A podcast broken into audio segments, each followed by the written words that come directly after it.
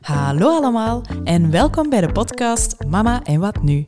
Een podcast voor mama's die met praktische vragen zitten, die benieuwd zijn naar verhalen van andere mama's en die bewuste keuzes willen maken over zowat alles wat er te maken heeft met het mama zijn.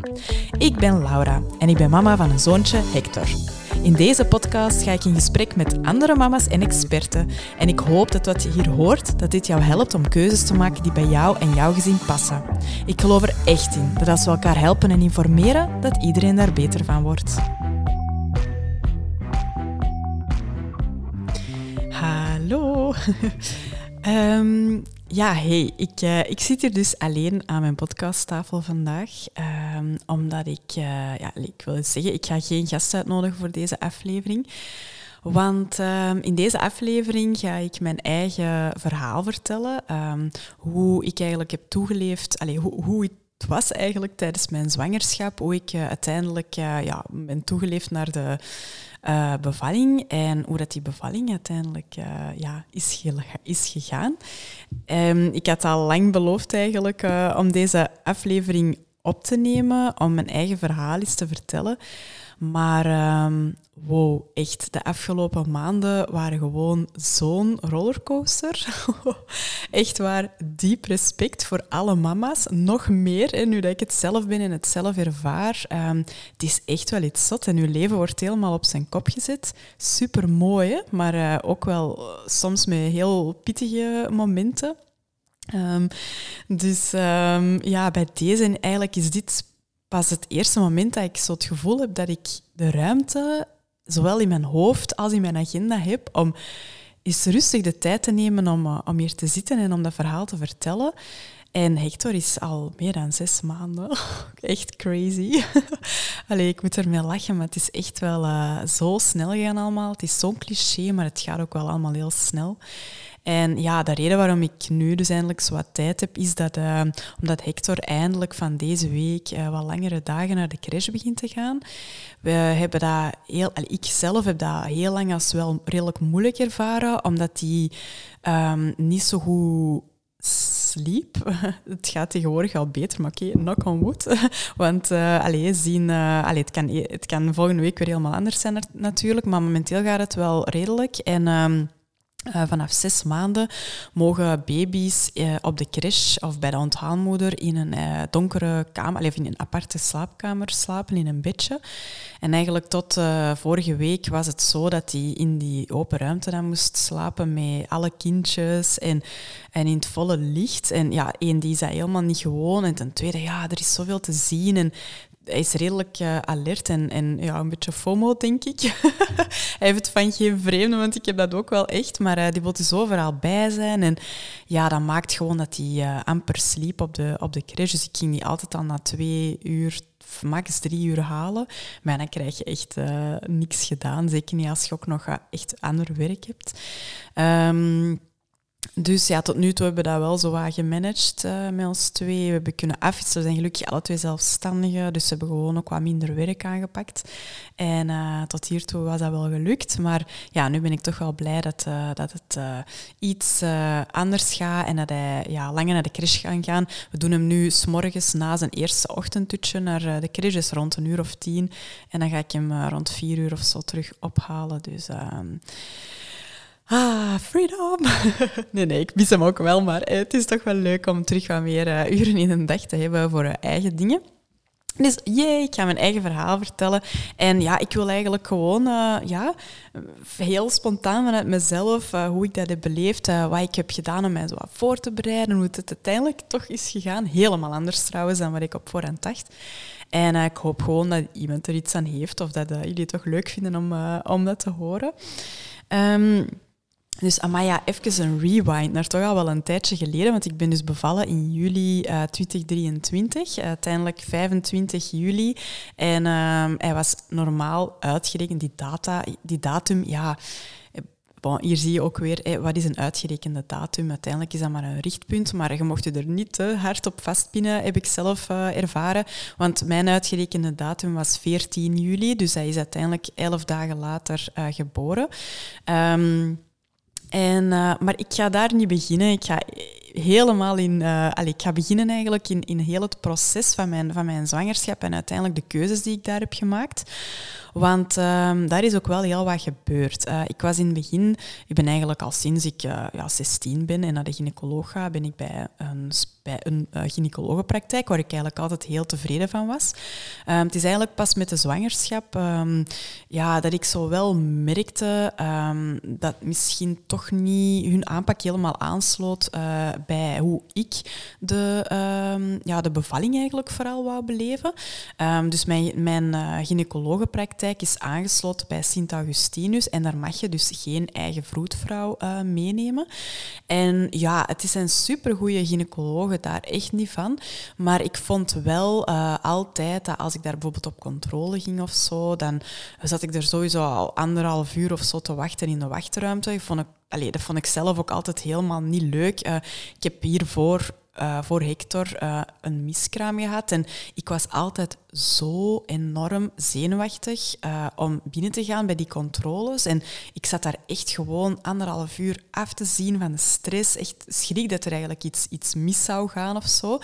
Dus ik vond dat echt verschrikkelijk. Ik keek er, ik keek er altijd wel naar uit om, om dan te weten dat alles goed was en om, om Hector dan ook te zien allee, op de echo. um, Maar langs de andere kant was dat echt zo'n stressmoment altijd. Uh, plus, ik, ja, het moest ook altijd heel snel gaan. Hè. Die, ik had niet het gevoel dat ik echt zo de ruimte en de tijd kreeg om bepaalde vragen te stellen. En heel vaak, als ik daar dan uiteindelijk buiten stond, dan kwamen er wel zo nog wat dingen niet meer op. Uh, ja, bijvoorbeeld dingen dat, dat de gynaecoloog dan zelf had gezegd, dat precies pas later wat binnendrongen of zo. En waar ik dan achteraf vragen van had. Dus ik, ik, ik voelde mij daar niet zo echt 100% op mijn gemak. En het is eigenlijk door bezig te zijn met deze podcast en om, om te praten met mensen um, die heel bewust uh, omgingen um, met hun zwangerschap en de bevalling, het moment van de bevalling, dat ik daar echt over ben beginnen nadenken van ja, wat wil ik eigenlijk? Um, hey, dat is helemaal prima als je daar bijvoorbeeld niet, niet over wil nadenken. Of het wel gewoon een beetje wilt laten gaan hoe het gaat en uh, in de zorgen van, uh, van de gynaecoloog en, het ziekenhuis en zo um, wil bevallen. Maar bij mij begon het toch zo meer en meer ja, de gedachte te komen van ik, wil, ik wil toch wel bepaalde dingen zelf kunnen beslissen. Of tenminste op voorhand hebben over nagedacht, zodat ik op het moment zelf beslissingen kan maken als ze vragen hebben voor mij.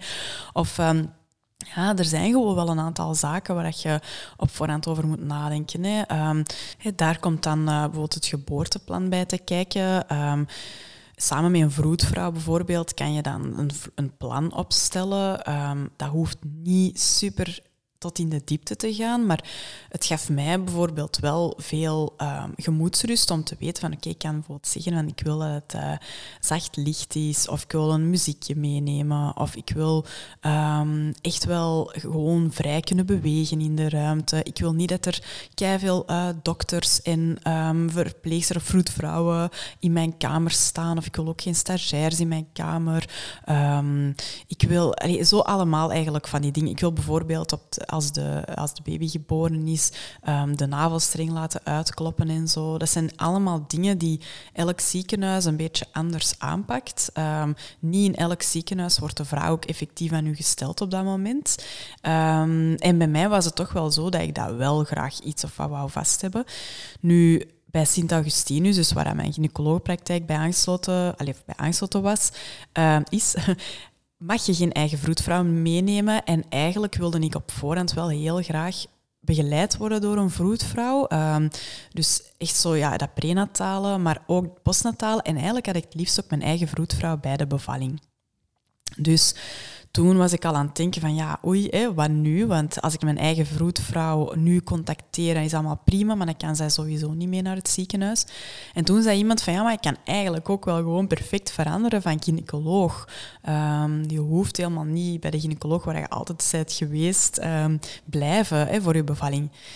En eerst vond ik dat zo wel raar, want dat is precies zo'n beetje, ja, ik weet niet, ik ben er al heel mijn leven bijna bij wijze van spreken. En nu ineens zou ik dat dan veranderen. Maar um, met daar dan echt wel over bezig te zijn met anderen, heb ik dan uiteindelijk besloten om uh, mij aan te sluiten bij, of, of wel naar een vroedvrouw te gaan. Um, En dan uiteindelijk um, te bevallen in AZ Monica. Dat is hier ook super dicht bij mij, achter de hoek. Ik zou er bij wijze van spreken te voet naartoe kunnen gaan.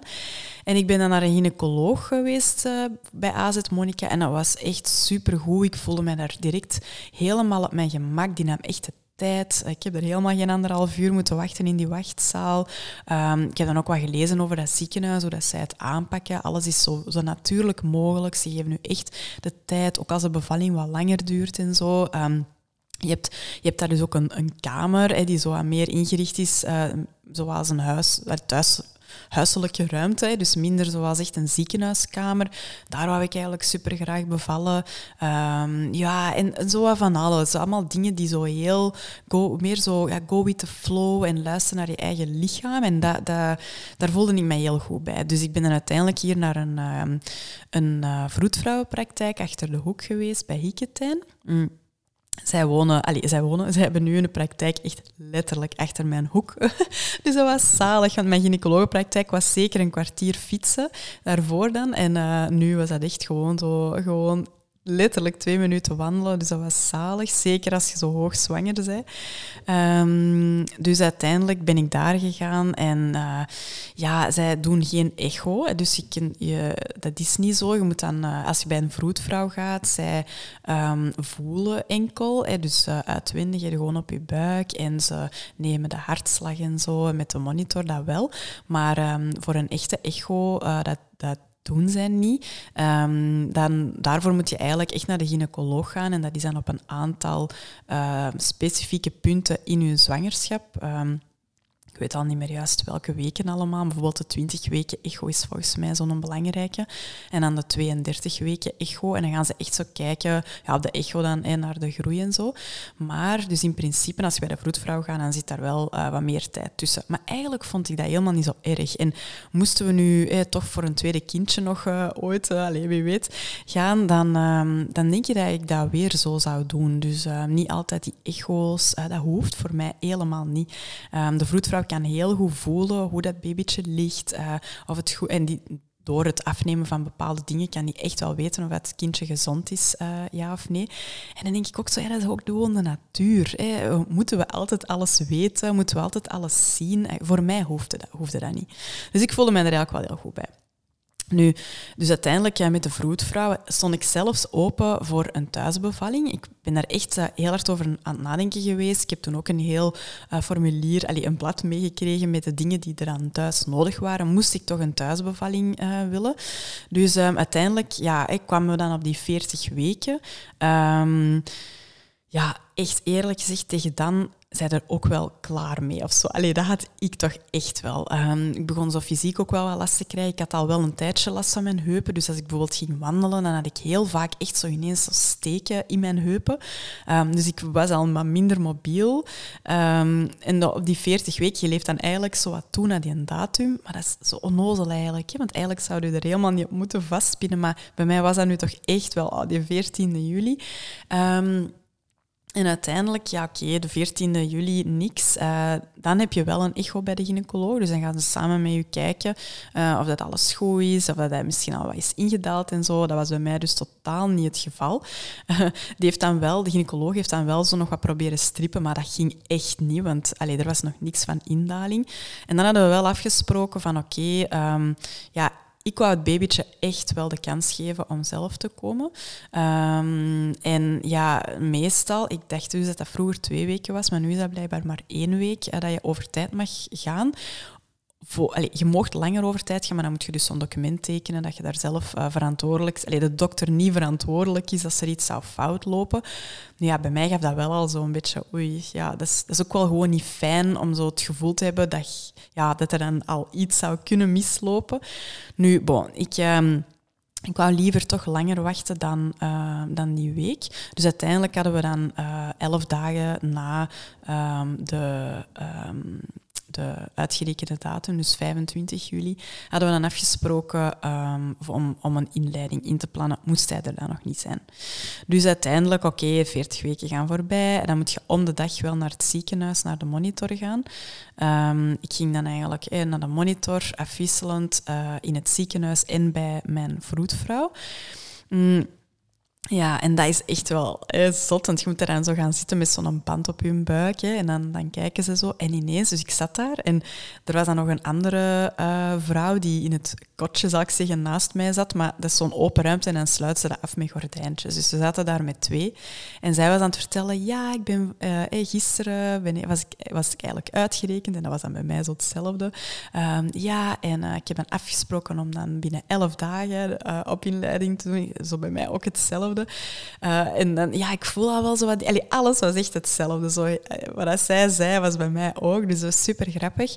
En uh, ja, je hangt daar eigenlijk maar gewoon aan de monitor. En de verpleegster, die komt dan zo af en de vroedvrouw, die komt dan zo af en toe eens kijken. En ineens zegt die vroedvrouw zo tegen mij... Maar, maar jij hebt weeën. En die, zo, die liet dat zo zien en dat waren inderdaad van die uitschieters, maar nog super onregelmatig. Ik dacht, ja, het is zover, hè. morgen komt hem. maar uiteindelijk, ja, dat kan dus perfect, hè, dat je oefenweeën hebt. Dat is op zich je lichaam, je baarmoeder, dat, dat zich wat begint voor te bereiden op de zwangerschap, maar dat hoeft totaal niks te betekenen. Maar ja, op dat moment, je denkt, ja, deze is het. Hè. En s'avonds, ik ging slapen en ik voelde al zo wat van alles rommelen. En dan gaat het echt slapen met zo de hoop van, oh, s'nachts word ik hier, straks word ik hier wakker met zo wat constantere weeën en zo echt op het gemakske dat dat zo begint te komen. Ja, nee. zo is het dus bij mij niet gegaan. Dus uiteindelijk... Um, ja, dag na dag ging maar voorbij. Elke avond ging ik slapen met zo wat hetzelfde gevoel, met af en toe zo wat steken, s'nachts ook af en toe steken, maar dan werd ik toch elke morgen gewoon terug wakker. Um, ik ben uiteindelijk drie keer gestript. Uh, Eén keer door mijn gynaecoloog en twee keer door de vroedvrouw.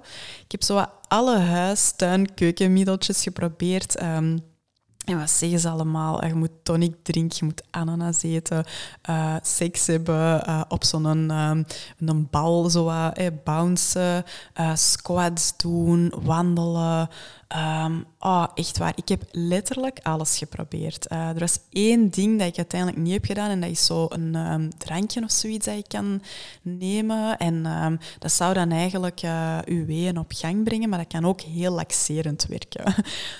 dat was zo mijn allerlaatste ding waarvan ik dacht van oké, dat zou ik misschien nog wel op laatst willen proberen, maar ik zelf, ik verjaar 24 juli. Dus dat was een dag voor mijn inleiding en ik dacht ja... Ja, uiteindelijk was dan die zondag was op een zondag en ik dacht echt, ik ga nu niet dat middeltje nemen. Ze biedt ik heel mijn verjaardag op de pot en gebeurt er uiteindelijk niks. Dus ik heb het dan uiteindelijk maar gelaten en dan uh, ja, was het maandagochtend. Um, en um, ja, was het de dag van de inleiding en hij is niet gekomen. Dus ik heb dan wel beslist om, uh, om wel naar het ziekenhuis te gaan. Dat was echt zo'n koffertje pakken, te voet, naar AZ Monica gewandeld. Uh, super jammer, want ik had dat helemaal anders voor ogen gehad. Uh, maar goed, ik heb mij er uiteindelijk ook wel gewoon bij neergelegd. Het is wat het is. Ehm, hij was dan elf dagen over tijd. Alles ging goed met het babytje, maar ik was ook wel ergens klaar of zo. Um, ik, ik het waren ook van die non-dagen zo. Hè. Dat is heel vreemd achteraf gezien, want nu denk ik, oh, had ik er maar van genoten en nog leuke dingen gedaan. Maar langs de andere kant kun je dat ook niet meer. Je voelt je zo niet meer goed in je vel, je kunt niet zitten, je, allez, je voelt je gewoon niet comfortabel.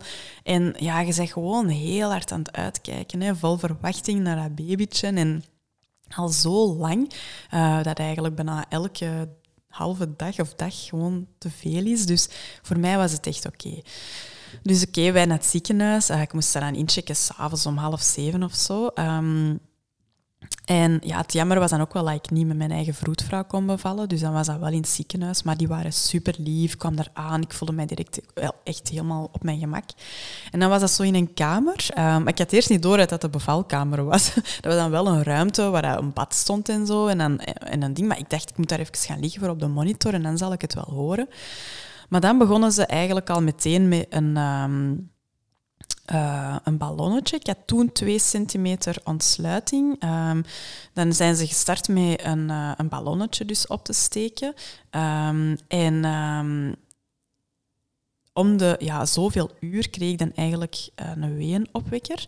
Dus oké, dat ballonnetje was dan. Dan mocht ik me eigenlijk klaarmaken, zogezegd, om te gaan slapen. Wij kregen nog iets klein om te eten, maar niet te, ik mocht niet te veel eten. Want ja, als je bevalling dan niet ineens op gang komt, dan, eh, dan uh, mag je niet te veel hebben gegeten. Dus uiteindelijk was dat wel een hele nacht dat wij daar hebben gelegen. Um, ja, ik in bed, Jochen echt zo in een stoel. Och, maar goed, en um, ja dat was dan om de, ik weet niet meer, om de drie uur denk ik dat ze mij kwamen wakker maken voor aan de monitor, dan zo'n pilletje te geven en dan terug aan de monitor. Dus ja, slapen doet je eigenlijk wel niet. En ik zag toen en ik voelde ook wel dat er zo meer en meer op gang begon te komen. Um, en de laatste pilletje kreeg ik dan om acht uur uh, in de morgen. En toen is het echt helemaal begonnen. Um, ik begon ineens keihard wee te krijgen. En ik weet nu dat ik echt zo super excited was. En dan die gewoon ook van, oh, maar oké... Okay het komt en ik voel het en kunnen dat eens timen. Want ik wist dan, eh, in het begin komen die om de zoveel minuten. Uh, maar dat was al meteen zo super snel op elkaar. Ik denk echt dat er al gewoon om het minuut ineens een week, een week kwam. Maar echt van niks naar dat. Ook mega intens. Ik kon dat dan zo op de monitor zien. Dat ging dan zo over 100. Allee, ervoor was dat altijd zo ah, 10 of zo, zal ik zeggen, van de intensiteit van die weeën. En echt, ik weet nog dat ik dacht van oké, ja, ik ik heb toen echt al mijn kleren al direct uitgedaan. Ik dacht, ik ga hier op een bal zitten. Hey, om zo, oké, ik had dat dan geleerd, want ik had een, uh, een workshop gevolgd bij Hikketijn voor zo bevallingshoudingen en zo. Ik dacht, oké, op die bal en zo op mijn rug. En aan de jochen gevraagd van, oh, kun je daar iets op duwen op mijn rug? En, maar die bal was eigenlijk wat te klein voor mij. dus hadden dan gevraagd, ik had dan gevraagd om die wat meer op te pompen, maar ik denk dat een super drukke uh, was voor, uh, voor, in de, voor bij de bevallingen, want ze zijn dat dan vergeten. Dus ja, in ieder geval, die bal, dat was het ook echt niet. Ik kon mij geen houding vinden. Ben dan nog naar het toilet gegaan. Um, echt zo op toilet ook wee gekregen. Ik, ik, echt al direct mega, mega fel. Um, ja, uiteindelijk moest ik dan zo op dat bed gaan liggen terug, want ze hebben dan mijn vliezen nog gebroken. Um, geen idee waarom. Ik moet heel eerlijk zeggen, ik zat al volledig in een roes, maar echt gewoon te proberen om die pijn te weg te krijgen, want dat is superveel pijn. Dus ik weet wel dat ze mij dan vroeg van ga eens op dat bed liggen en dan moest ik zo over die pan hangen. En maar ja, met weeën liggen, dat is echt, je weet toch geen houdingen. Dus uiteindelijk dacht ik, oké, wat kan mij hier verlichten? Dan ben ik in bad gaan zitten.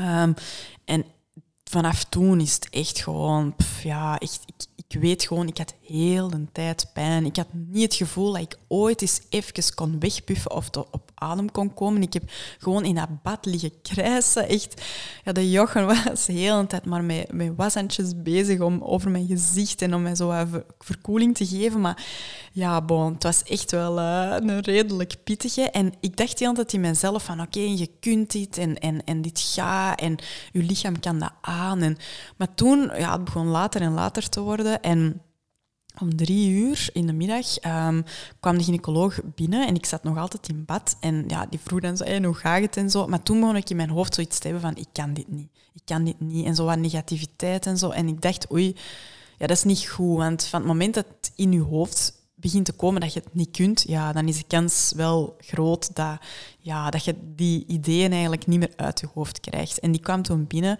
en die vroeg van, hey, hoe gaat het? En ja, helemaal, ja, niet zo supergoed. En ik dacht, kom, meet hoeveel ontsluiting dat ik heb. Want als ik nu zo 7 of 8 centimeter heb, dan weet ik echt dat het vooruit gaat. En je moet 10 hebben hè, voor uh, aan de bevalling te kunnen persen. Dus ik dacht, oké, dan kan ik het misschien wel.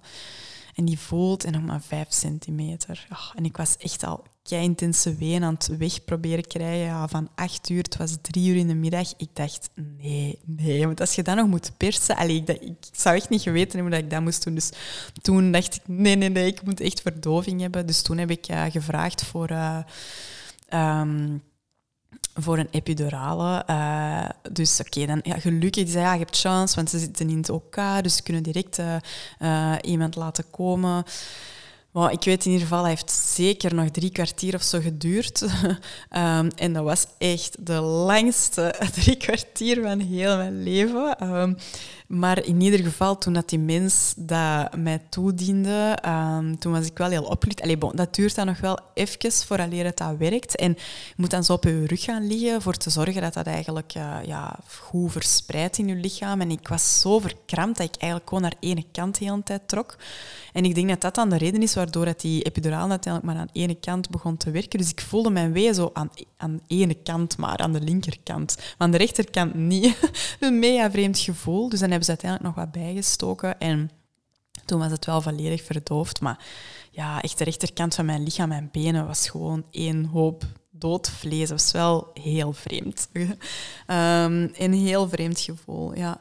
Uh, maar toch wel echt heel blij dat ik dat, die keuze heb gemaakt uiteindelijk. Want um, uiteindelijk heeft het wel nog geduurd tot uh, mij tien uur s'avonds, vooraleer dat ze um, kwamen uh, om te zeggen dat ik mocht beginnen persen. de gynaecoloog is intussen tijd verschillende keren langsgekomen om te voelen. Um, maar hij uh, zijn hoofdje zat uiteindelijk redelijk laag, maar hij, een babytje moet zo'n laatste knikje maken eigenlijk, vooraleer dat je echt kunt beginnen persen. En dat deed hij niet. Dus dan hebben ze zo uiteindelijk nog wel wat oxytocine bijgegeven. En toen um, is dat wel gelukt. En dan kunnen ze dus de epiduraal, dat wist ik niet, wat minder zetten, zodat je eigenlijk toch nog iets of wat, je hebt geen pijn, maar je kunt wel je weeën voelen. Um, en op het moment dat ik mocht beginnen persen, kon ik perfect voelen wanneer ik moest persen en wanneer niet. Dus dat was wel een heel, ik heb daar eigenlijk een heel mooie herinnering aan, van die gynaecoloog dat dan recht tegenover mij zat en dan twee vroedvrouwen en de jochen naast mij, echt aan het cheeren van oké, en persen, persen. En je moet dan zo drie keer zo duwen en ademen. En dan zo drie keer naar elkaar eigenlijk. En dan even op adem komen en dan bij de volgende weer terug. En ik voelde mij zo gesteund en aangemoedigd. En ik, weet niet, ik had geen pijn. Ik, had, ik was zo in volle... Ja, dat is echt een soort oerding dat in u naar boven komt. Het was echt zo volle concentratie. Um, en ja, ik weet nog, ik deed mijn ogen altijd toe, want dan kon ik mij beter concentreren. En Jochen hielp mij dan zo wat om wat rechter te komen, om echt goed te persen. En uh, ik had mijn ogen toen, ik hoor ineens zo ijzer, ijzer, ijzer. En ja, en toen ja, haalden ze Hector daaraan uit en gaven ze, geven ze die direct aan u, zodat die bij u uh, op, uw, um, ja, op uw borst kan liggen. En ja, voilà. zo is het uiteindelijk gebeurd. En um, ja, amai, ja, ik moet zeggen, ik heb daar echt, ja, dat was prachtig, een prachtig moment. Um, ik heb daar nog een foto van dat ze van ons hebben gemaakt met ons drie. Echt, ja, ik vond dat een van de mooiste, sowieso eigenlijk het mooiste moment van heel mijn leven en zo'n ontlading. Um, uiteindelijk heeft het heel lang geduurd, die bevalling. Um, maar eigenlijk, als ik er nu op terugkijk, zou ik het niet anders hebben gedaan. Echt niet. Mm. Nu, ja, voilà. Ja, echt waar. Echt heel mooi. Dus, uh, en dan daarna, ja, ze maken nu dan proper, ze wassen nu en zo. Uh, en dan Hector ook, ze wegen die en uh, et cetera.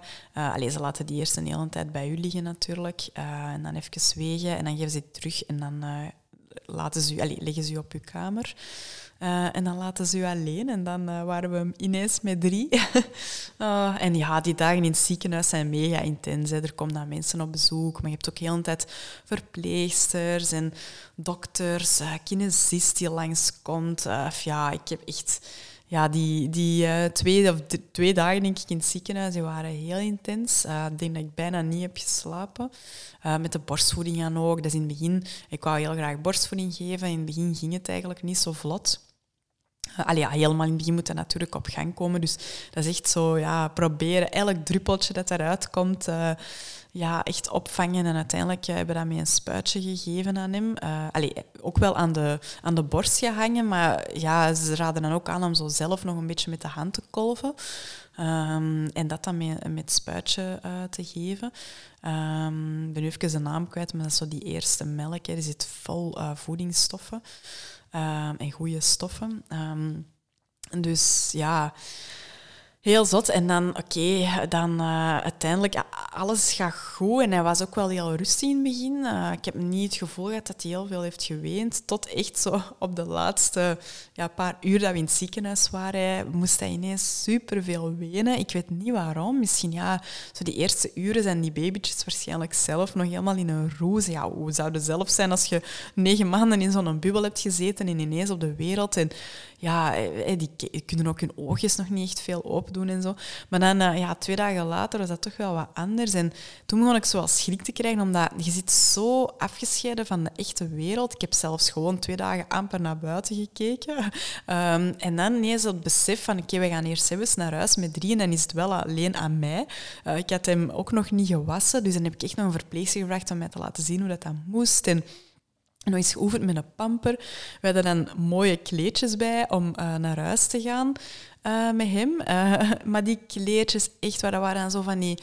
Dat dan zo'n gehaakt pakje en deze nageltjes en zo, alles bleef zo hangen. Ik kreeg dat helemaal niet aan. Hij begon te wenen, ik begon te wenen. De Jochem was eigenlijk ook helemaal over zijn toeren. Oké, we hadden dan iets aangekregen van kleden, wat we die dan in de maxicosi steken. Ja, die zakte daar volledig in weg, zelfs met die verklein uh, dingetjes voor daarin. Echt, we hebben er allemaal nog doeken achter gestoken om die toch iets of wat precies ja, in die Mexicosi deftig te laten zitten. Ah, echt, toen dacht ik, nee, ik wil helemaal niet naar huis. Ik heb echt staan weren, staan weren. Oh, echt waar. Puur denk ik van zo de emotionele ontlading, maar goed. Ja, dan naar huis met een auto dan. Ehm, ja, en die eerste dagen thuis moet ik zeggen, ik heb wel een beetje last gehad van de baby blues. Ja, toch wel, denk de hormonen en ja, alles is zo nieuw. En, en ik had heel veel, ja, heel zo vragen van, oei, doe ik dat niet fout? Of, of is dat wel normaal? Of, en Hector, in het begin ging het niet zo goed met zijn uh, drinken dus. Um, die viel heel veel af. Um, het was eigenlijk net oké op de rand om naar huis te mogen, maar werd dan wel heel goed opgevolgd door onze vroedvrouw en dan ook kind en gezin. Maar die bleef eigenlijk niet, maar afvallen en niet bijkomen. Uh, en na drie weken zat hij nog altijd onder zijn geboortegewicht. En ja, die weende ook superveel. Achteraf gezien was dat echt van de honger. Dus ik leidde die hele tijd aan, maar dat... Ik weet niet, ofwel viel die in slaap, of dat kwam er niet gemakkelijk uit, die melk. Um, dus dat was wel heel intens. Uh, dag en nacht vloeit echt volledig over in elkaar. En er had zo niks, niks in van structuur. Uh, dus ik ben uiteindelijk wel Um, uiteindelijk is het wel een beetje op gang gekomen. Um, we hebben er lang mee gesukkeld, maar ik heb dan uiteindelijk een kolfmachine gaan lenen in de apotheek. Ik ben dan kolven om die productie op gang te krijgen. Plus, ja, zo kon ik hem af en toe eens een flesje geven, zodat ik ook wist hoeveel hij had gedronken. Nu, ik raad dat niet per se aan of zo, want er, ik heb ook al wel gehoord dat babytjes dan zo de voorkeur kunnen krijgen voor de fles in plaats van de borst. Maar voor ons was dat nu uiteindelijk wel uh, een oplossing. En... Um, ja, zijn we er uiteindelijk zo wel wat doorgekomen. Uh, plus, ik ben dan ook na een paar weken um, een, eh, zo uh, flessenvoeding gaan halen. In de uh, apotheek hadden wij dat dan gekocht, maar je kunt het ook gewoon in de supermarkt kopen, denk ik. Om af en toe een flesje bij te geven. En vanaf toen weende hij wel veel minder. Dus bij hem was dat echt die honger. Um, ik heb dat dan toen, denk ik, in het begin een week of twee weken gegeven, zo'n extra flesje, totdat mijn melkproductie helemaal op gang was. En dan zijn wij gewoon terug overgeschakeld. Dus dat ging bij ons. Alleen naar, naar volledige borstvoeding, wil ik zeggen. Um, nu, allee, altijd in overleg waarschijnlijk best met uw, met uw vroedvrouw of, uh, of uw gynaecoloog of zo, of met uw lactatiedeskundige. Maar dat is hoe wij het uiteindelijk hebben gedaan. Ik ben wel heel blij dat dat gelukt is. Um, hij had geen voorkeur per se voor een flesje of voor de borst. Uh, ik geef nog altijd deeltijds borstvoeding, dus voor ons lukt dat nu wel heel goed. Uh, maar ik kan mij voorstellen dat dat bij andere babytjes wat moeilijker is. Maar um, ja, maar echt... En, nu ineens zijn we zes maanden later en uh, al heel veel ups en downs uh, overwonnen. Um, maar uh, ja, uiteindelijk kan ik nu wel zeggen dat het goed gaat. En ehm, als ik nu zo terugkijk naar helemaal in het begin, uh, zo net mama en dan zo met een wezentje thuis, ja, dat is echt wel het zotste ooit. Amai, echt alle emoties die door je komen, het slaapgebrek dat je sowieso hebt. Want ja, een babytje kan in het begin nog niet veel eten. Het maagje is nog super klein. Ze worden om de zoveel uren moeten die sowieso eten, worden die wakker. Um, ja, dag en nacht gaan echt over in elkaar. Het bezoek dat we hebben gehad, achteraf gezien zou ik dat wel minder doen, want we hebben dat echt, ja, we proberen dat dan supergoed in te plannen, maar we hadden soms dagen van twee bezoeken op een dag en dat was echt veel te intens, zou ik nooit meer doen. Ik ben blij dat dat nu in het ziekenhuis precies wat minder wordt gedaan, want daar hebben wij echt enkel onze echte dichte familie uh, over de vloer gekregen en de rest thuis. Um, maar ik vond dit al wel heel intens. Dat waren twee weken non-stop van bezoeken. Uh, tot op een punt dat we zeiden, en nu even niet meer. Want hoe leuk het dat ook is om mensen te zien en om contact te houden met de buitenwereld. Het was ook soms wel gewoon van, ja, een dag loopt, elke dag loopt anders. Je kunt echt een hele slechte nacht hebben gehad. Of, of het gaat niet goed met de borstvoeding. En dan zit je daar te klungelen terwijl de andere mensen in de zetel zitten te wachten precies op je. Allee, ik had toch continu dat gevoel dat ik er dan zo goed moest staan en gedoucht. En nee, want die mensen komen wel op bezoek, maar ja, achteraf zou ik het echt wel anders doen en mij daar wel wat minder van aantrekken. Uh, uw baby loopt niet weg. een maand later is hij nog altijd super klein en schattig en kunnen ze die ook nog komen bezoeken. Dus uh, um, dat zou ik zelf nu toch wel anders doen. En dan uiteindelijk zijn we wel redelijk snel ook echt naar buiten gegaan. Het was natuurlijk volle zomer. Um, ik had zo'n draagzak waar, uh, waar een newborn eigenlijk uh, meteen in kan. Dus dan zijn we na een weekje of zo al wel wandelingetjes gaan maken. En dat was dan wel zalig. Ja, eigenlijk heb ik daar wel goede herinneringen aan. Want dat is wel het grappige. Hè? Iedereen zegt altijd, je vergeet echt snel. Um, en dat is ergens wel zo. Ook al weet je dat dat wel heftig was, op zich is dat nog een redelijk korte periode. Hè. Allee, ik zeg, zie mij nu, ik ben zes maanden verder en ik kan eigenlijk echt al wel zeggen van echt wel sava, ik heb een. Ook al weet ik dat dat op dat moment soms echt heel zwaar was. Uh, zeker dat slaaptekort, hè, wat dat, dat doet met een mens. Um, maar het, ja wat ik dan ook misschien zou aanraden als je zo voor de eerste keer, als je zwanger bent en je bent nog niet bevallen, uh, of, of helemaal, je zit helemaal in het begin misschien hè, van uh, je moederschap en je baby is uh, nog mini.